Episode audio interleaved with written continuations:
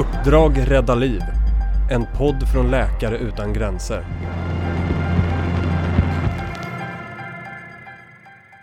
Så nu ska vi tala om ett av vår tids största globala hälsoutmaningar.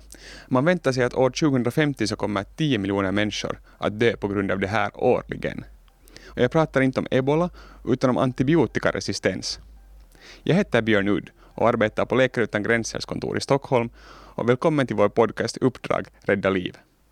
I det här avsnittet ska vi alltså prata om antibiotikaresistens och då kommer vi också att snacka om ämnen som skillnaden mellan virusinfektioner och bakteriella infektioner, läkemedelsindustrin och penicillinets uppfinnare Alexander Fleming. För allt det här har med antibiotikaresistens att göra. Um, om det blir lite snurrigt nu så är det ingen fara, för med mig idag här har jag sjuksköterskan Anna Sjöblom som ska guida oss i vad det här antibiotikaresistens är och hur Läkare utan gränser arbetar med det här problemet i fält och vilka utmaningar det finns. Välkommen! Tack så mycket! Du är ju sjuksköterska och har arbetat med Läkare utan gränser sedan 2003. Och du jobbar nu som medicinsk humanitär rådgivare på vårt kontor när du då inte är ute i fält någonstans. Du har varit i Kongo-Kinshasa, Niger, Grekland, Etiopien, någonstans mellan nio och tio uppdrag. Ja, någonstans där. Jag har inte helt koll. Men eh, de allra flesta uppdragen är i Afrika söder om Sahara. Precis. Um, men om vi börjar från början med dagens ämne. Vad är antibiotikaresistens? Ja, alltså resistens är ju när bakterier eh, utvecklar motståndskraft mot antibiotika. Eh, och det sker ju, det är ju liksom en naturlig process. Det är bakteriens sätt att anpassa sig och försöka överleva. Men det sker ju i allt snabbare takt ju mer antibiotika man använder eller om man använder antibiotika på fel sätt. Eh, för liten dos eller för kort, eh, under en för kort period. Så varför är det en av vår tids stora globala hälsoutmaningar? Det faktum att, att antibiotika finns och den är en av vår tids största medicinska innovationer har räddat miljontals liv. Och eh, förutom att kunna liksom behandla infektioner som lunginflammation, sårinfektioner med antibiotika så är det också så att det som man kallar eh, den moderna, moderna medicinen bygger på att man ska kunna ge antibiotikabehandlingar för, för patienter med nedsatt immunförsvar för att kunna göra komplicerade kirurgiska ingrepp som transplantationer och så vidare. Så antibiotika är så otroligt viktigt. Om antibiotika inte fungerar mot infektioner så kommer många människor dö och det finns också en hel del sjukvård som inte kunde, kommer kunna ge till patienter. Mm. Men om vi då talar om hur fungerar det? Alltså hur blir ett, en sjukdom resistent mot ett läkemedel? Ja, det är bakterierna som blir resistenta eh, och det sker gradvis. Och vi har bakterier av olika sorter och då också antibiotika som, som, som då rår på och kan döda bakterier som är också olika. Eh, så man ser det här inom de vanliga bakterierna eh, antibiotikastammarna, stafylokocker, streptokocker, alla de här stora grupperna, så har det då funnits en, en, en resistensutveckling. Eh, och sen kan ju då de resistenta bakterierna sen spridas från människa till människa eh, och då fler blir sjuka i en resistent infektion från första eh, gången. Du nämnde bakterier, men eh, det finns ju också liksom virusinfektioner. Vad är skillnaden mellan de här virusinfektionerna och bakteriella infektioner? Jo, alltså eh, infektionssjukdomar, eller smittsamma sjukdomar som man ibland kallar dem, de kan ju orsakas av eh, olika typer av mikroorganismer. Det kan ju vara eh, det kan vara parasiter, svampar, virus och bakterier.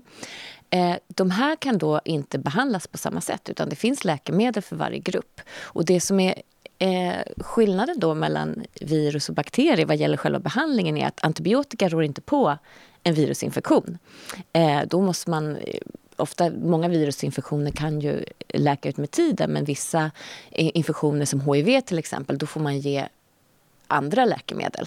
Eh, och det här är ju i sjukvården eh, någonting som är viktigt att hålla isär och till den mån det är möjligt ta reda på vad det är som orsakar den här Eh, personens eh, infektion.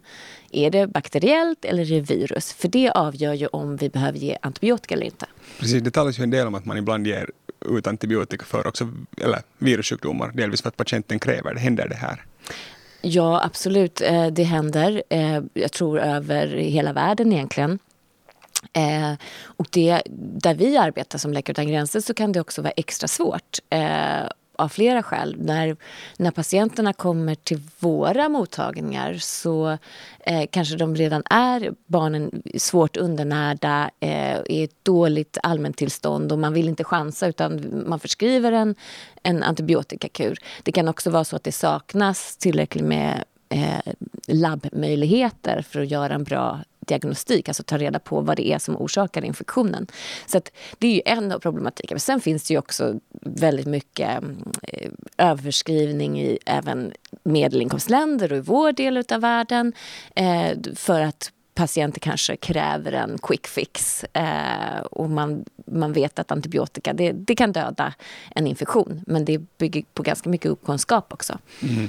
Och vi ska komma tillbaka lite till de här, hur det ser ut idag men först ska vi ta en lite historisk tillbakablick. Så det här med resistens, att man är orolig för det är ju liksom ingenting nytt. Att Alexander Fleming som upptäckte penicillinet, han pratade om försiktighet redan i sitt Nobeltal 1945. Och jag tänkte läsa upp en del av vad han sa i det här talet. Um, han sa Herr X har ont i halsen och köper penicillin mot det. Men han tar inte tillräckligt för att döda streptokockibakterierna. Bara tillräckligt för att lära dem att motstå penicillin. Sen smittar han sin fru. Fru X får lunginflammation och vårdas med penicillin. Bakterierna är nu motståndskraftiga och behandlingen misslyckas. Fru X dör.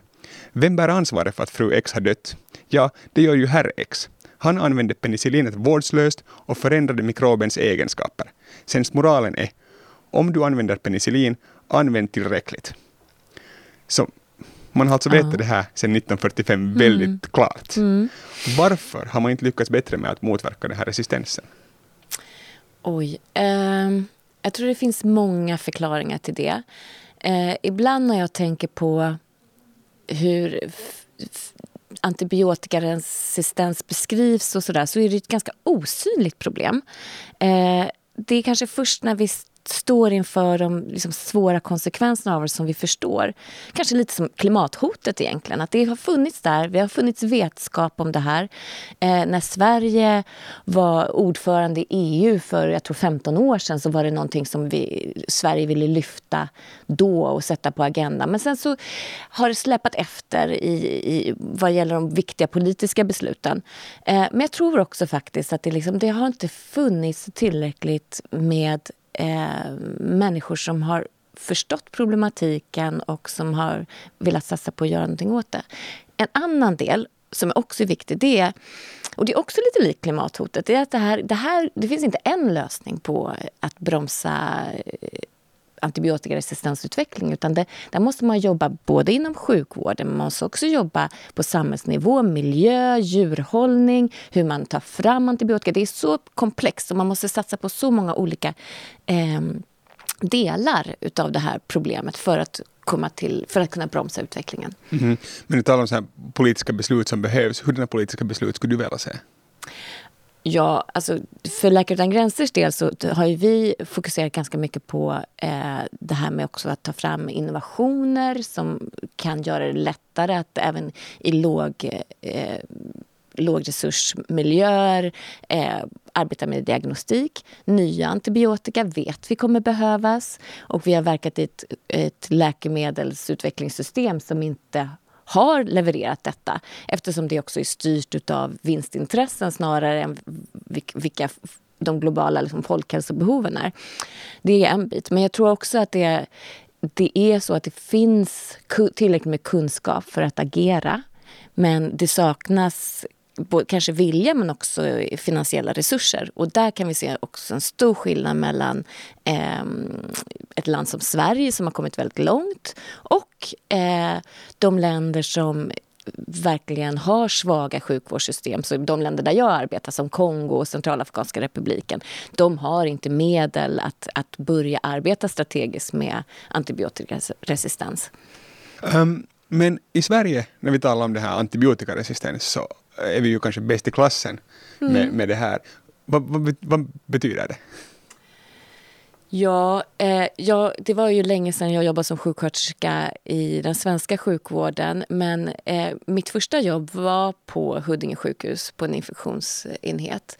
Eh, det var under en tid när eh, vi fick in patienter som hade så kallad MRSA, vilket är en typ av resistens. Då var vi ganska snabba på att isolera patienterna, eh, ge, se till att inte eh, de här bakterierna spreds till andra. Jobba mycket med vårdkvalitet och vårdhygien.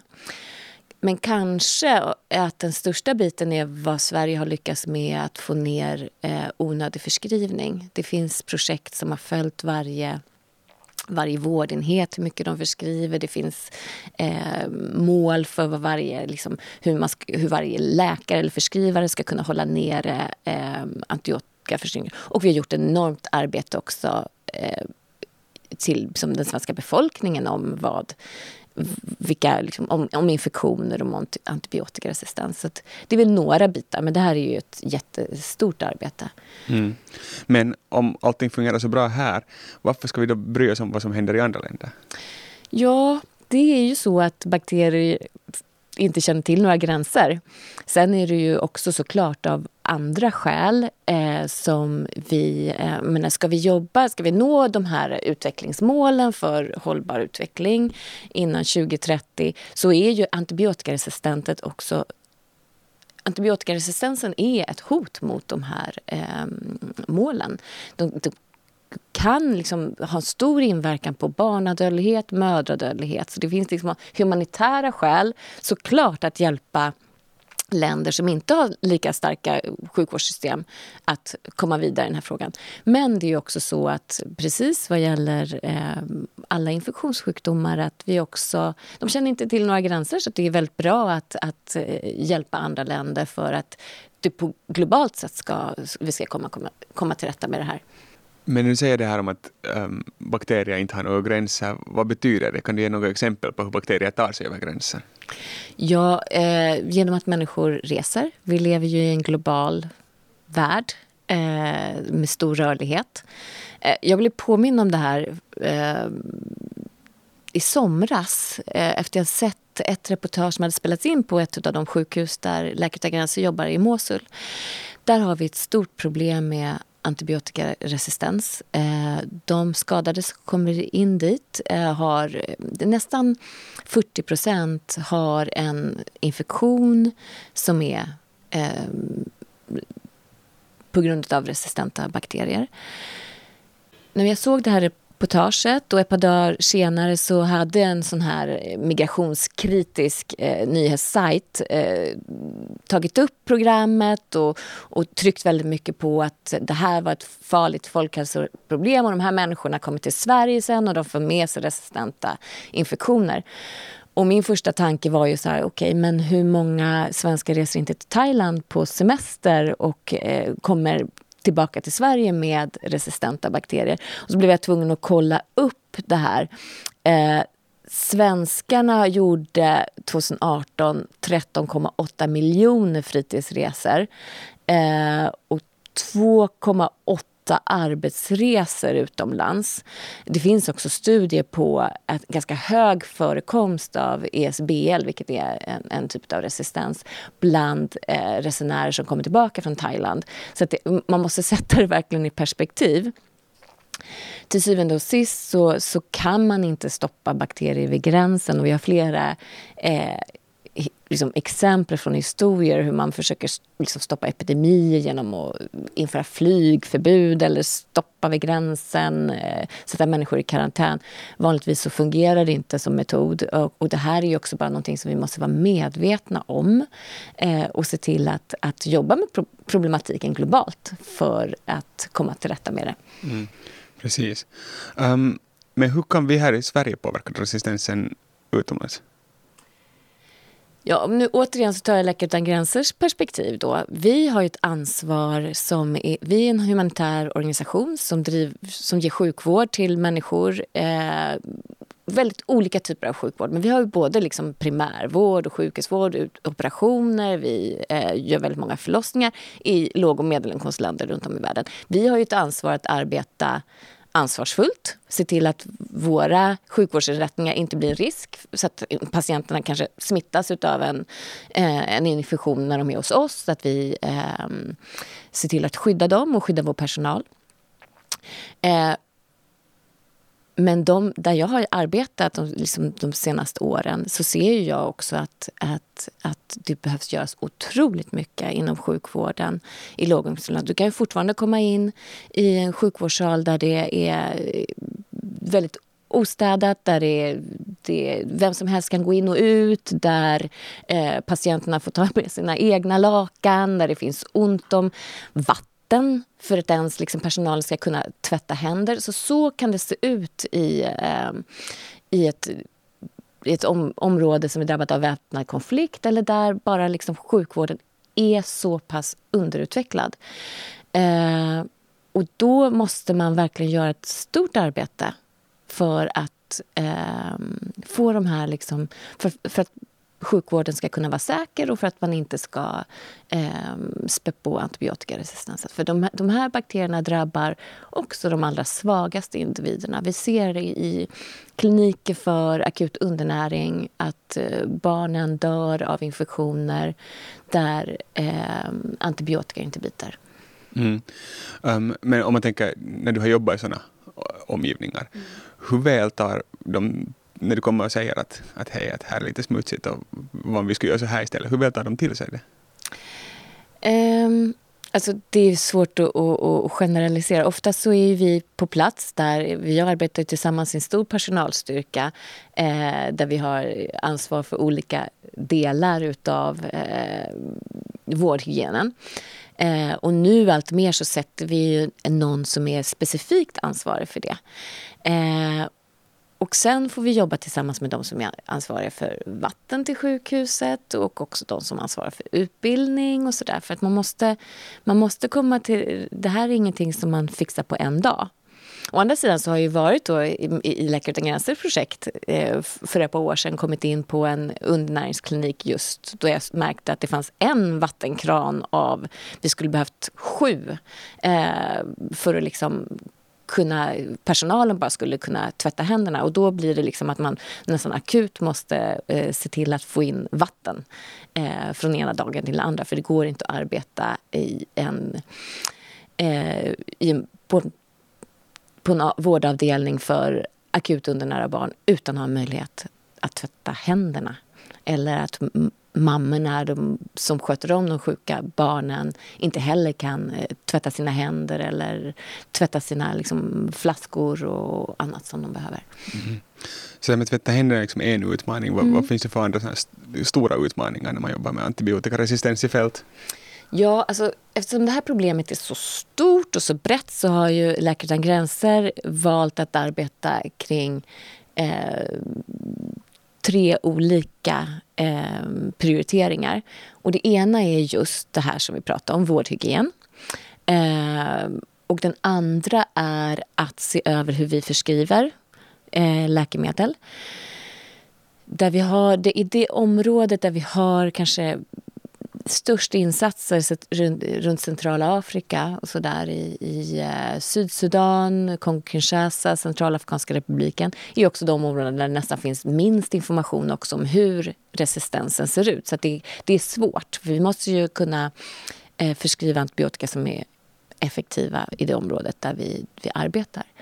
Eh, men då, där jobbar vi mycket kring utbildningar och kring eh, riktlinjer för personalen så att man ska få veta och att förbättra laboratoriemöjligheterna. Och det är vår tredje prioritering. Det är just det här. Förbättra diagnostik och också se till att liksom, övervaka situationen så vi samlar in data om hur resistensutvecklingen ser ut och, och gör en hel del forskning också faktiskt.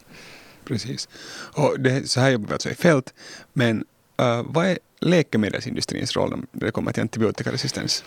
Just det. Då, eh, vad gäller antibiotikaresistens eh, frågan så har ju, och det är ju inte bara varit Läkare utan gränser som har konstaterat det utan många andra också.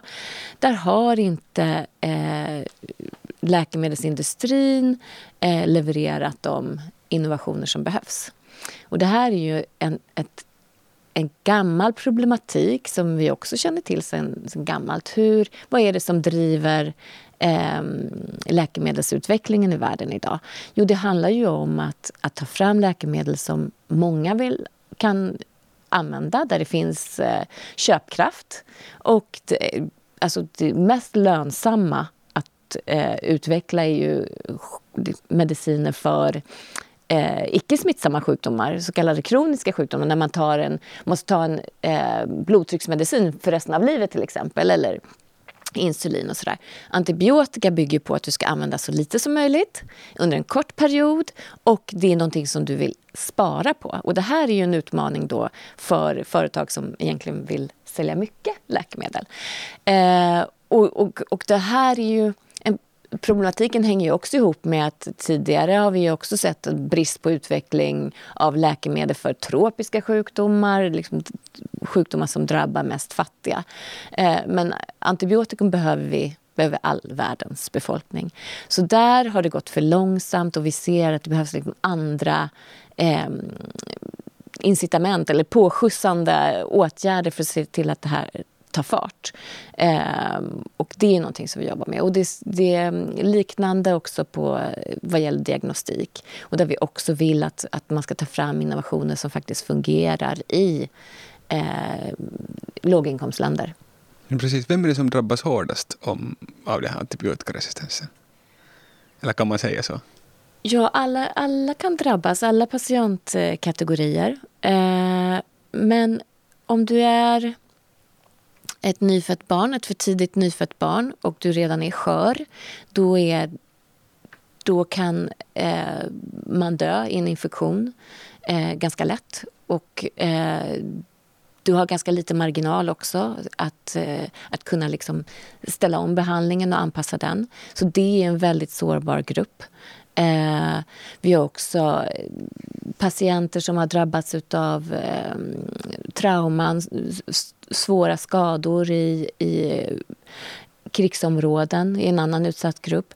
Men jag tror att det finns... Eh, egentligen har vi alla en, en anledning att oroas för den här problematiken. Men ju mindre tillgång till sjukvård du har eh, desto svårare desto hårdare kommer du slås av, av eh, en resistent infektion. För här i Sverige kan vi ju fortfarande välja de dyrare antibiotikerna, de, som, de senaste framtagna. Och de finns inte i, i, på alla platser i världen. Mm. Um, Läkare utan gränser, så vi har i 20 år arbetat med en accesskampanj där vi arbetar för att alla människor ska få tillgång till just den behandling som de behöver för att överleva. Mm. Uh, hur jobbar vi med antibiotikaresistens inom ramen för accesskampanjen? Då? En sjukdom som Läkare utan gränser har eh, arbetat jättemycket med och ännu mer på senare år är ju tuberkulos. Och då framförallt eh, den så kallade multiresistenta tuberkulosen. Det här är en, en infektion som är väldigt svår för patienterna. Det är en lång behandling. Man har länge använt väldigt gamla mediciner som också haft svåra biverkningar. Eh, nu har det då tagits fram eh, ett par nya preparat.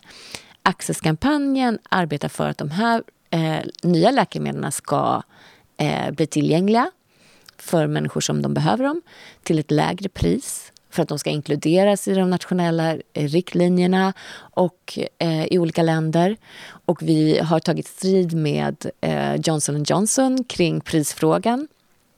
Eh, vi vill inte att... Eh, vi kräver att Bedakelin, ett av läkemedlen, inte ska kosta mer än en dollar per dag per patient. Så det är ju en av de här liksom striderna vi har tagit eh, inom Access-kampanjen. Ja, precis. Ett, ett annat så här viktigt läkemedel som motverkar det här är ju pneumokockvaccinet, har jag förstått. Just det, precis. Så vad, vad gör vi där? Ja, eh, vaccin... Eh, pneumokockvaccinet kan ju då eh, skydda en, en individ mot att få en lunginflammation. Så om du inte får lunginflammationen så behöver du inte antibiotika. Så på det sättet så, så, så är ju vaccin också jätteviktiga i, i eh, vad gäller att bromsa resistentutvecklingen. Och här eh, då, då fun, det finns ett, ett vaccin eh, som vi försöker bedriva påverkan att det ska inkluderas i, i, i riktlinjer i olika länder och också bli tillgängligt till ett mycket billigare pris. För Det här är ju någonting också som, som verkligen eh, minskar barnadödligheten i världen idag. Mm. Och om du som lyssnare är nyfiken på hur och varför den här Access-kampanjen startade, så ska du lyssna på avsnittet av Uppdrag Rädda Liv, där Peter Jan van Eggermont, eh, vår humanitära rådgivare, berättar mer om det. Och sen om vi nu talar om den här Access-kampanjen, så hur har du arbetat med de här Access-frågorna? Ja, egentligen sen, sen jag började som sjuksköterska med Läkare utan gränser så, så har jag varit intresserad av just de här frågorna som liksom... Eh, det kanske inte är det som vi ser på plats på liksom, i, direkt i projektet men det som påverkar vårt arbete väldigt mycket. Liksom den, nej men, så det har ju också varit väldigt liksom, eh, driven av att liksom, det finns en sån otrolig orättvisa i världen kring vem som ska få vård när och just vem som, som man väljer att, att eh, eh, vaccinera eller vem som får sjukvård. Och då, så det har varit någonting som jag var intresserad av tidigt. Och också tror jag för att jag tillhör den här generationen som som eh, verkligen har starka minnen ifrån hiv-epidemin i södra Afrika. Hur liksom extremt hårt eh, det var att det fanns behandling för hiv tillgänglig i Sverige, i USA, i resten av Europa. Men i den delen av världen där allra flest dog i hiv så hade man fortfarande inte börjat att behandla vid millennieskiftet. Så eh, det var någonting som liksom påverkade mig ganska mycket. Eh, jag har jobbat med Accesskampanjen i kontakt med beslutsfattare i Sverige genom att skriva artiklar, prata på olika seminarium om den här frågan. Så det har varit både liksom tydligt på plats när jag jobbat i projektet med Läkare utan gränser och även här på hemmaplan när jag jobbat för svenska, mm. svenska kontoret. Mm. Och sen till slut måste jag fråga att kommer det här antibiotikaresistensen att innebära slutet för mänskligheten? Att kommer vi att dö ut på grund av att det finns resistenta bakterier? Och jag vågar aldrig svara sådana framtidsfrågor för jag är så mycket nu och här. Eh, det är en extremt stor utmaning för mänskligheten. Ungefär som klimathotet. Men vi är ju också ganska uppfinningsrika eh, i den här, på den här planeten. Och eh, det finns ett uppvaknande det finns, vi vet vad vi behöver göra. Så det gäller ju bara att, att mobilisera krafter och göra det. Mm. Så det känns som att det behövs någon sån där galjonsfigur som gör det, en Greta Thunberg för uh, antibiotikaresistens, eller? Det här har nämnts av flera, ja, absolut. Jag tror att det, det fungerar ju så med folkhälsofrågor också, precis som med andra viktiga frågor, att eh, så länge, jag menar, tuberkulos är också en sån sjukdom som aldrig haft några ambassadörer eller föregångare. På HIV, eh, inom hiv-kampen så fanns de där. Eh, det fanns de här starka berättelserna. Antibiotikaresistens är ju verkligen, som någon har beskrivit det tidigare, en tyst tsunami. Eh, som man inte helt har förstått och inte helt ser ske heller. Och det är den största utmaningen. Om någon lyssnare nu sitter hemma och funderar på vad den kan göra i sitt personliga liv för att minska den här antibiotikaresistensen, vad kan man göra? Man kan läsa på lite mer. Eh, man kan ställa kritiska frågor till sina nära och kära om eh, hur de tar sin antibiotika. Eh, man kan engagera sig vad gäller orättvisor i världen kring tillgång till läkemedel men också förstå att det här med liksom att bakterier inte har några gränser. Eh, ja, jag tror att det är liksom... Man kan se till att skaffa sig lite kunskap på området. Precis. Tack så mycket Anna Sjöblom för att du berättade om ditt och Läkare utan gränsers arbete mot antibiotikaresistens. Och om du som lyssnar gillar vår podd, så lyssna gärna på fler avsnitt och tipsa dina vänner. Och har du frågor eller funderingar så hör av dig till oss. Du hittar oss som Läkare utan gränser Sverige på Facebook, Instagram och Twitter.